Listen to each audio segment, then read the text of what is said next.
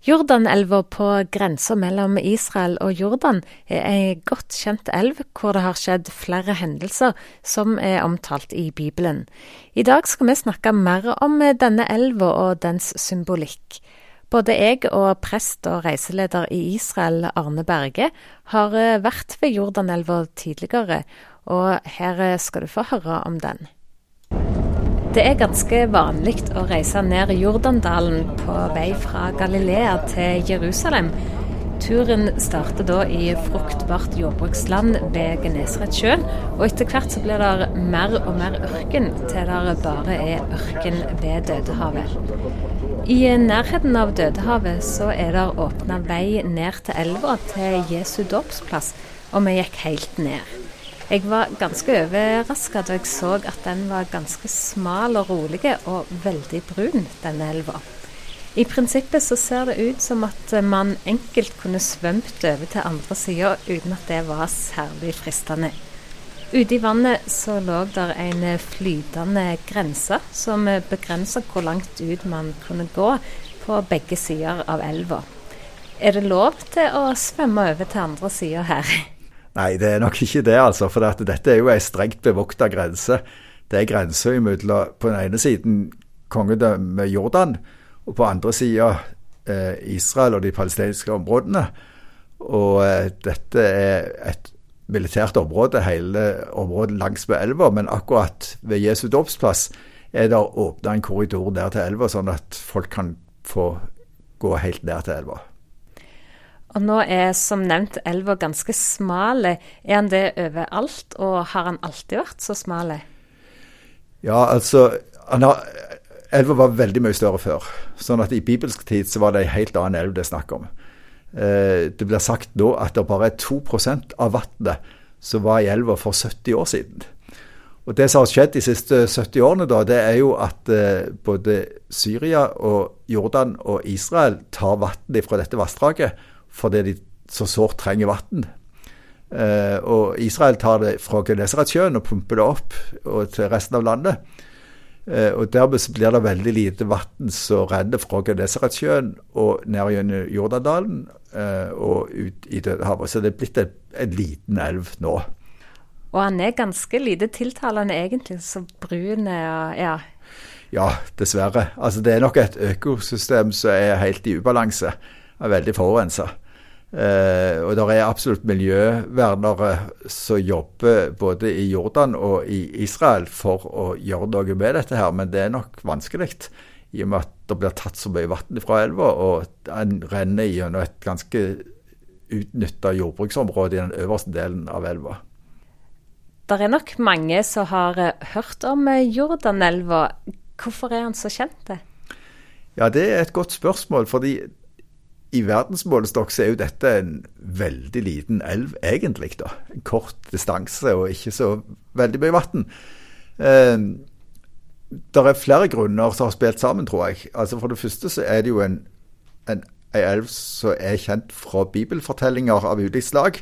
Og dermed så har blitt omtalt, i hvert fall i vår kultur, i veldig stor grad.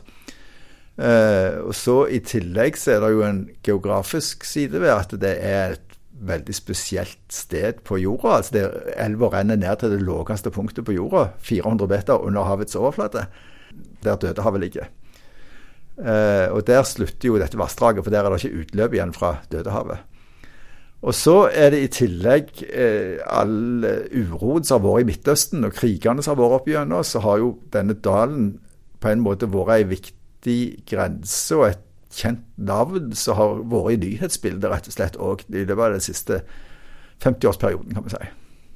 Hva rolle har eh, Jordanelva hatt i bibelhistorien? Han er framme i forskjellige sammenhenger. Altså det, det, første og viktigste fra Gamle testamentet er jo eh, at dette var den siste grensa, kan vi si, for israelsfolket da de hadde gått i ørkenen i 40 år fra slaveriet i Egypt. Eh, og skulle inn i det lova landet. Eh, og Da skjedde det et under. Der står det hos, eh, i Josva-boka, kapittel 3, der det står at vannet stoppa opp, og folk gikk tørrskudde over elva med paktkista med seg. Eh, så det er en viktig gammeltestamentlig historie.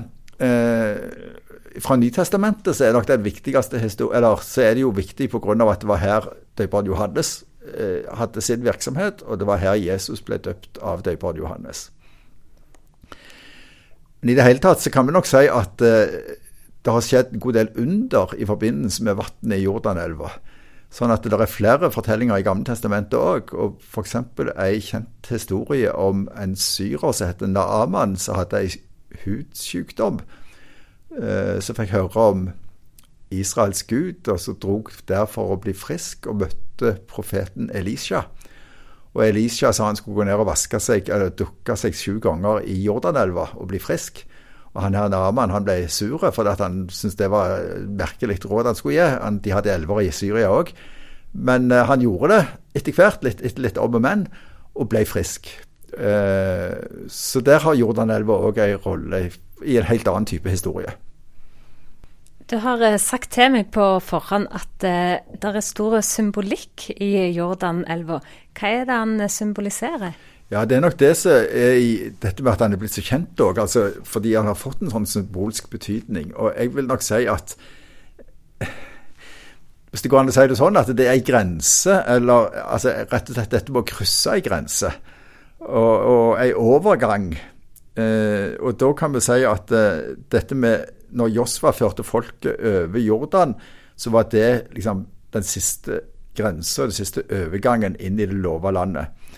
Eh, og eh, vi kan jo òg si at Jesu, altså dåpshandlingen er en sånn overgang. Eh, men jeg tror faktisk at vi kan si at dette har ført til at elva har en sånn rolle i forhold til dette med frelse eller gjenfødelse. Og ikke minst i forhold til det evige livet, altså overgangen fra død til liv. Eh, sånn, det er mange sånne symbolske ting som ligger i sanger, ikke minst, der Jordanelva har fått en rolle. Og mange av disse sangene, det er noe som heter negro spirituals. Ja, altså du kan si at den, i den afroamerikanske kulturen, altså der slavene i USA på 1800-tallet, så ble nettopp fortellingen om Israelsfolket som fikk friheten fra slaveriet i Egypt og fikk sitt lova land, det ble en bibelfortelling som ble veldig viktig i deres kamp da, for frihet. Så Derfor så ble disse, hele den fortellingsstoffet om Moses og om Josva, om overgangen over elva og inn i det lova landet, det ble veldig viktig for deres, eh, i deres kultur. Og På den måten så kan vi si at det ligger en veldig sånn stor håps tankegang her. altså For så vidt både kamp og håp. Eh, men de så fram imot å få sin frihet og få sitt lova land. Og dermed så sang de sånne sanger. F.eks. en sang som heter 'Deep River', som er veldig godt kjent. Det var prest og reiseleder i Israel, Arne Berge, du møtte her. Og nå skal det handle om Jesu dåpsplass. Han ble døpt av døperen Johannes i Jordanelva i Israel. Og i dag er det fortsatt mange mennesker som besøker dette stedet, noen for å bli døpt. Når vi går ned til Jordanelva og Jesu dåpsplass, så ser vi mennesker som er kledd i hvite kapper. Og de sitter og synger. Hva er det som skjer der? Ja, Da må vi tenke på at dette er et sted som samler kristne fra hele verden. Folk kommer gjerne i grupper eh, fra kirkene sine hjemme eh, og eh, er opptatt av å komme til Jesu dåpssted. Og da er det, I noen kristne tradisjoner så vil det være en naturlig ting at en har dåp der, da. enten det er folk som blir døpt for første gang, eller og i, noen kristne tradisjoner så har en jo gjendåp, altså at en blir døpt på nytt. Ja, eventuelt flere ganger òg, faktisk. Så her er det mange forskjellige tradisjoner og mye forskjellig kristen kultur som møtes. og eh, Det kan jo kjennes fremmedartet, men dette at de kler seg i hvite kapper, er nok eh, først og fremst knytta opp mot dåpen. Og langs elvebredden eh, så er det lagt sitteplasser med benker, og hele den gruppa som vi var med, setter seg ned der. Og Derifra så har vi utsikt til en ganske smal, brun elv med grønne vekster langs elvebredden. Og det er ikke langt over til den andre sida og landet Jordan, hvor det er vakter som passer på grensa. Og du Arne, du gikk ut i elva og sto der i ei trapp, og så kom folk fra gruppa vår og gikk uti til deg. Forklar hva du gjorde. Ja, for meg som prest i Den norske kirke, så var det som var mest naturlig å gjøre her, det var å eh, minne folk om at de er døpt, og hva dåpen betyr for oss. Og det gjorde vi den gang, og det har jeg gjort mange ganger på den måten, at vi, folk, de som vil, kommer ut til meg. Jeg står rett ute i elva der det var litt vann, ikke djupt. Og så tar jeg vann fra elva og tegner et korsmerke på hånda deres. Og sier at eh, jeg tegner deg med Det hellige korsets tegn for at du skal huske at du er døpt til Faderens og Sønnens og Den hellige ånds navn. Hva betyr det for folk å få denne påminningen, tror du? Jeg har opplevd at det betyr veldig mye, for mange i hvert fall. Eh, fordi eh, vi er jo litt forskjellige på hvor stor vekt vi legger på dåpen som grunnlaget for det å høre til i en kristen sammenheng og være kristne. Eh, teologisk sett så har jo dåpen utrolig stor betydning. Og det at vi minner hverandre om det, og hva vi har fått av gaver fra Gud i dåpen, det syns jeg er en veldig verdifull ting. Hvorfor vil mange reise til dette stedet? Det er nok fordi, sånn som vi har snakket om i et annet program, at eh, Jordanelva er en veldig kjent sted. Og dette med at Jesus ble døpt i Jordanelva er òg noe som er veldig godt kjent. Og det er en av de plassene som det er naturlig å besøke når en er i dette området. Noen har eh, kanskje hørt om Johannes døperen fra Bibelen. Det var han som døpte Jesus. Kan du fortelle litt om Johannes? Johannes var, ble regnet som en slags forløper, en som gikk foran Jesus. da. Han var en slektning av han. De hadde nok hatt kontakt som barn òg, men Johannes drev en selvstendig virksomhet, og med den på en måte endte opp med å lede folk til Jesus. Eh, men når han drev sin virksomhet ved Jordanelva, så bodde han i ødemarka der, står det. Det er fortellinger om hvordan han levde, hva han spiste. og han forkynte ei omvendingsdåp. Så dette var jo før vår kristne dåp, men det var eh, en, hans virksomhet. Hvordan er historien om eh, da Jesus ble døpt her? Ja, Det blir eh, fortalt at det var enormt mange mennesker som reiste ut i ødemarken, ørkenen, for å bli døpt av Johannes og høre på hans forkynnelse.